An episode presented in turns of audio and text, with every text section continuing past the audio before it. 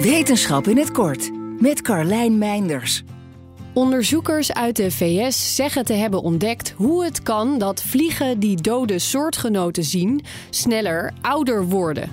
Het zit hem in een specifieke reactie van de hersenen. Bij veroudering speelt natuurlijk van alles mee, waaronder genen en bijvoorbeeld leefomstandigheden.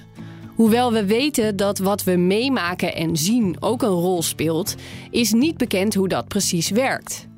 Bij fruitvliegjes hebben dezelfde wetenschappers bijvoorbeeld al gezien dat wanneer ze andere dode fruitvliegjes zien, ze sneller ouder worden.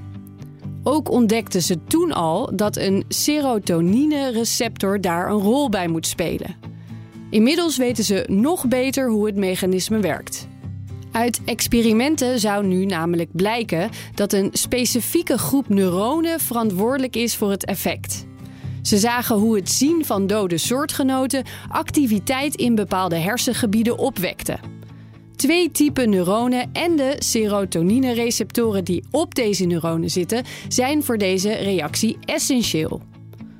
Werden deze neuronen kunstmatig geactiveerd, dan zagen ze de veroudering ook versnellen, zonder dat in dit geval dode soortgenoten werden gezien.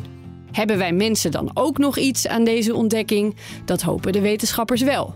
Mogelijk is het een verouderingsmechanisme dat ook in mensen zit en dat kan worden beïnvloed.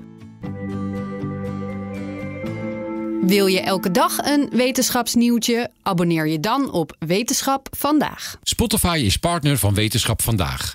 Luister Wetenschap vandaag terug in al je favoriete podcast-apps.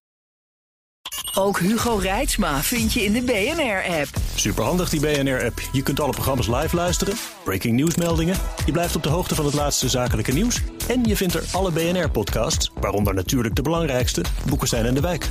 Download nu de gratis BNR-app en blijf scherp.